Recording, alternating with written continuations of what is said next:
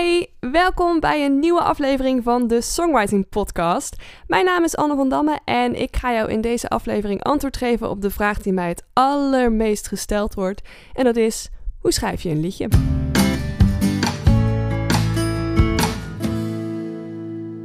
De vraag hoe je nou eigenlijk een liedje schrijft, die is mij echt zo vaak gesteld in allerlei verschillende situaties en door allerlei verschillende type mensen. Uh, dus het is best wel iets wat, uh, wat leeft en, en wat, ja, waar mysterie omheen hangt.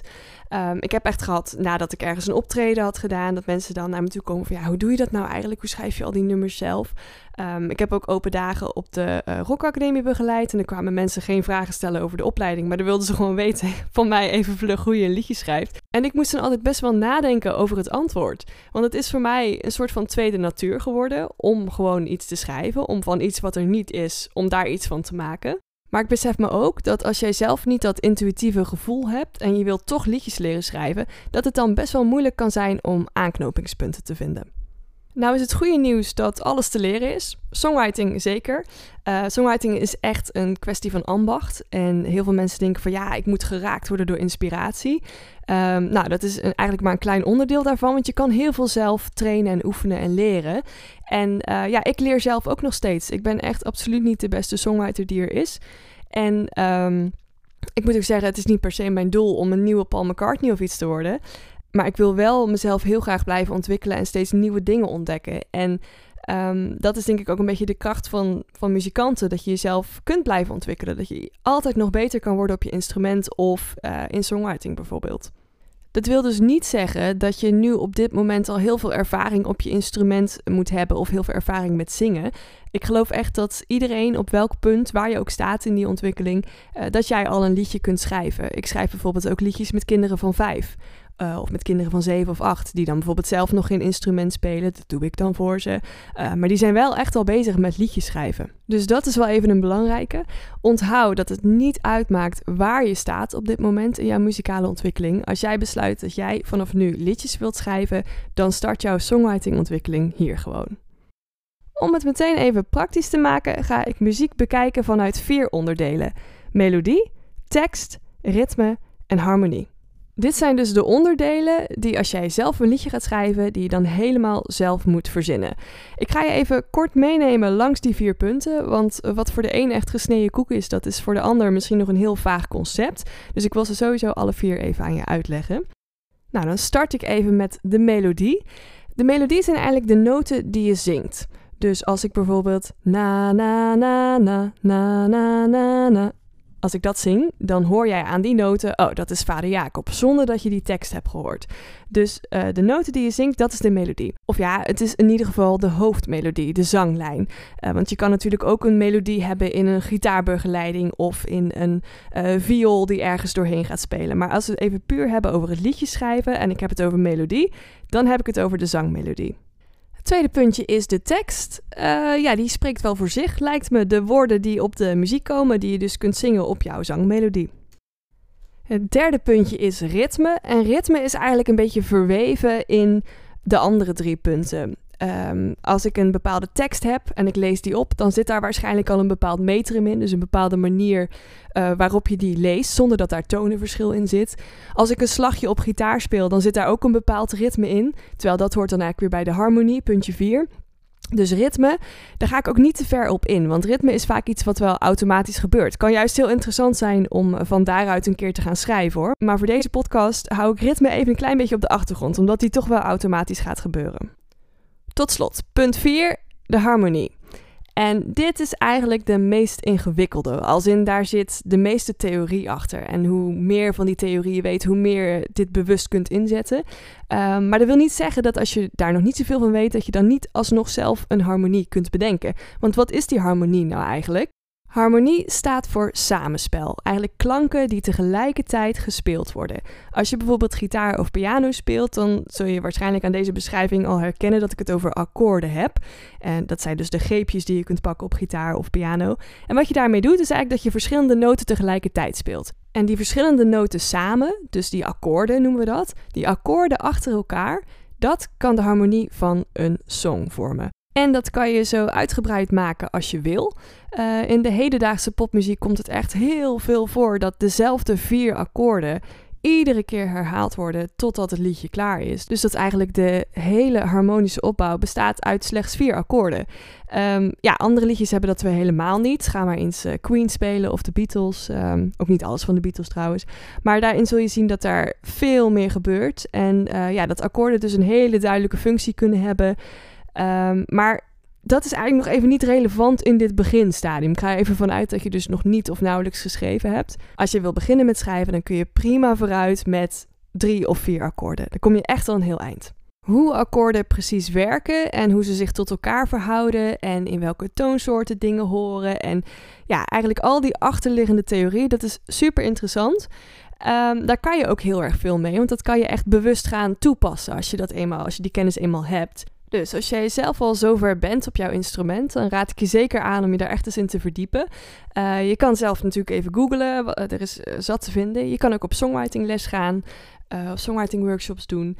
Um, want het kan je wel heel erg veel brengen. Maar als je dus echt nog maar net start, dan kan dat best wel overdonderend zijn, denk ik. Dus ga gewoon even lekker aan de slag met wat je al kent. Want die theorie is allemaal leuk en aardig, maar het allerbelangrijkste is dat het goed klinkt. Dus als jij een stel goede oren hebt uh, en je weet hoe je dingen wilt laten klinken, dan hoef jij niet per se te weten waarom iets zo werkt. Andersom kan het natuurlijk handig zijn als jij een bepaald resultaat wilt bereiken, maar je weet niet hoe je daar komt, dat je dan die theorie kunt toepassen en weet, oh, maar kijk, dit akkoord moet ik daar hebben. Oké, we hebben het nu gehad over de melodie, tekst, het ritme en de harmonie. En het laatste wat ik je mee wil geven in deze podcast is hoe je nou daadwerkelijk start met het schrijven van een liedje. Dus wat kan jouw startpunt zijn?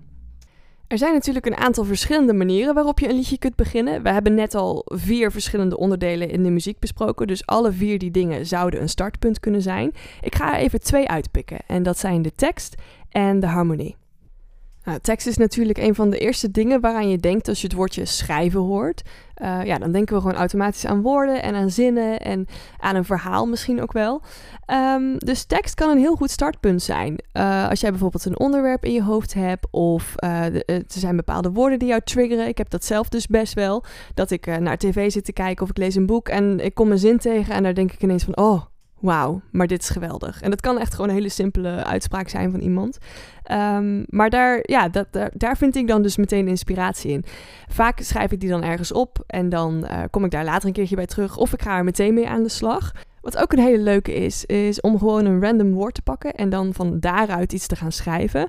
Uh, ik doe zelf een Song a Day Challenge, waarbij ik dus bijna iedere dag een liedje schrijf. Die heb je misschien in de vorige aflevering al voorbij horen komen. Dus als je onderwerpideeën wilt, dan kun je even naar mijn Instagram pagina gaan. En in de highlights vind je daar de Song a Day Challenge. En daar staat een heel lijstje met onderwerpen voor je klaar. En mocht je trouwens die aflevering 2 van deze podcast nog niet geluisterd hebben, die gaat over de inner critic, dus over je innerlijke criticus. En het is wel super belangrijk om die uit te schakelen als je net start met het schrijven van liedjes. Dus als je die nog niet geluisterd hebt, ga die vooral even terugluisteren. Nou, je hebt nu een aantal ideeën voor het schrijven van een liedje waarbij het startpunt de tekst is. Ik wil daar ook nog wel even de grootste valkuil bij benoemen. En die valkuil is dat je niet in hetzelfde metrum schrijft als dat je zingt. Dat is iets wat ik zelf ook heel erg heb ervaren. Ik had eigenlijk vroeger altijd, als ik startte met enkel het schrijven van een tekst, dat ik dan automatisch vrij lange zinnen maakte. Ik schreef ook wel verhalen en dat soort dingen. En in spreektaal zijn onze zinnen vaak veel langer dan uh, de zinnen van een songtekst. Dus dat is wel iets waar je op moet letten. Een handig trucje om dat te omzeilen is dat je start met wel een bepaald metrum in je hoofd. Dus een bepaald tempo waaraan je gaat houden. Dus eigenlijk dat je bijvoorbeeld de tekst die je schrijft, dat je die opleest in een bepaalde snelheid. Dus dat kan een zin zijn. Of te te te te te, te, te. Dat is nog absoluut geen muziek. Die zit er nog helemaal niet omheen. Maar het is wel eigenlijk dat ritme wat je alvast wil hebben. En als je het op die manier doet, dan voorkom je dus een beetje dat je spreektaal gaat gebruiken. In de zin van dat die zinnen veel te lang worden voor wat, eigenlijk, um, voor wat je eigenlijk in jouw liedje zou willen. Als jij een liedje wil schrijven met hele lange zinnen en je kan het wel allemaal kwijt, helemaal prima. Maar probeer een soort van al in gedachten te houden. Oh ja, dit gaat op muziek komen. Maar bij dit geldt zeker dat je het gewoon lekker moet gaan uitproberen en dat je het moet gaan oefenen. En uh, ja, mocht het niet werken, dan heb je gewoon een mooie tekst die misschien later wel een keertje van pas komt. Maar probeer dus om niet te kritisch op jezelf te zijn. Je mag best wel een kader voor jezelf stellen, dat maakt het vaak makkelijker. Uh, maar probeer niet te zeggen: nee, dit is te lang, dit is niet goed genoeg. Probeer of je er gewoon mee kunt werken en laat je creativiteit zijn gang gaan. Nou, en de omgekeerde variant is dat je gaat schrijven vanuit de muziek, dus vanuit de harmonie noemde ik dat net. Maar in mijn geval is dat wel vaak ook uh, meteen een melodie erbij hoor. Um, nou, wat, wat ik zelf dus ervaar is dat ik soms gewoon zit te pingelen op mijn gitaar en dat ik ineens denk, ja, hé, hey, maar deze dingen achter elkaar, deze akkoorden uh, of, of dit tokkeltje, dit is iets, daar wil ik iets op schrijven. En dat is dan eigenlijk mijn startpunt. En ik ben dus zelf niet een songwriter die eerst compleet de hele muziek en de hele melodie heeft geschreven. Ik weet dat er songwriters zijn die dat wel op die manier doen, die dus echt een heel muziekstuk kunnen maken en die dan later bijvoorbeeld voor iemand anders de tekst laten schrijven of daar later een keer echt voor gaan zitten. Um, maar wat ik zelf daarin merk, dat is dus eigenlijk de valkuil, vind ik, van die methode om echt puur alleen met muziek te starten. Je loopt het gevaar dat de tekst een ondergeschoven kindje wordt. En ik ben wat dat betreft echt een tekstliefhebber. Ik kan een heel vet liedje horen en als ze dan gaan zingen en ik denk, ja maar hallo, wat is dit voor belachelijk rare tekst? Uh, dan kan dat voor mij ook echt compleet helemaal weg zijn. En wat ik zelf echt het allermooiste vind in muziek is als tekst en muziek samenkomen. Dus dat de muziek, dat de instrumenten dat die de tekst en het verhaal ondersteunen. En het kan hem in hele simpele dingen zitten, maar ik heb wel het gevoel dat als je dat dus niet tegelijkertijd schrijft, dat dat moeilijk is om dat erin te verweven. En voor mij is dat waar de echte magie ontstaat in het songwriten. Maar dat is voor iedereen anders, uh, dus doe vooral waar jij jezelf fijn bij voelt. Wat je hier al een beetje uit kunt afleiden, is dat ik deze twee methodes dus voor mezelf eigenlijk bijna altijd tegelijkertijd toepas. Dus ik heb wel ergens een startpunt. Ik heb een uh, zinnetje, een tekst of een, uh, nou, misschien een flarden van een melodie in mijn hoofd of, uh, of een stukje van een tokkeltje of wat akkoorden. Dus er is ergens een startpunt, maar daarna komt alles eigenlijk meteen samen. En dat vind ik een hele fijne manier van schrijven, zodat alles echt goed in elkaar geïntegreerd kan worden. Um, ja, voor die Song a Day Challenge bijvoorbeeld schrijf ik wel soms echt gewoon een hele tekst. En dan zie ik dus ook weer dat ik dus met wat oefening en echt wat investering daarin, dat ik dus veel beter die teksten daarna op muziek kan gaan zetten. Wat dus vroeger voor mij echt best wel een lastig ding was. Ik zou je eigenlijk mee willen geven dat je dit gewoon zelf moet gaan uitproberen. Waar gaat jouw uh, muzikale intuïtie van zichzelf naartoe? En, en dan kun je eerst daar gewoon mee gaan oefenen. En dan kun je later, als je dingen een beetje op wil schudden, kun je gewoon eens wat andere dingen gaan uitproberen. Maar uh, ja, denk er vooral niet te veel over na. Het feit dat je deze podcast luistert, betekent natuurlijk dat je verdieping wil, dat je aanknopingspunten wil en dat je graag wil leren hoe je dit moet doen. En het meeste leer je echt door het gewoon zelf te gaan ervaren en zelf uit te proberen. En ik vind het altijd heel stom als mensen dat tegen mij zeggen, maar dat is echt hoe het werkt. Je moet zelf je meters gaan maken en de dingen die je nu hebt gehoord in deze aflevering of in andere afleveringen, die moet je gaan toepassen, want daar leer je wat van.